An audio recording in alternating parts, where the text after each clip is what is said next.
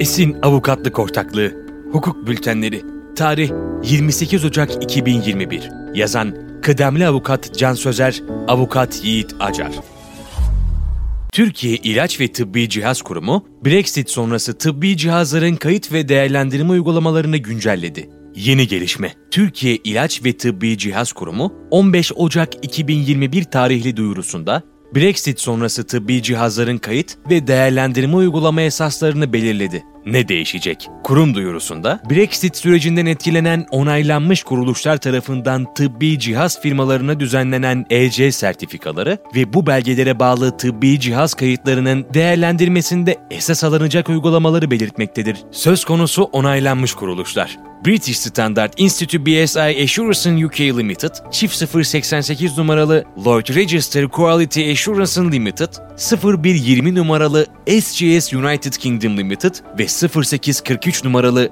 UAL International UK Limited adlı kuruluşlardır. Bu kapsamda aşağıdaki hususlar belirtilmiştir. İlgili onaylanmış kuruluşların ürün takip sistemi kayıtları 15 Ocak 2021 tarihi itibariyle pasif hale getirilmiştir tıbbi cihaz firmalarına ilgili onaylanmış kuruluşlar tarafından düzenlenen EC sertifikalarını güncellemeleri için 60 gün süre tanınmıştır.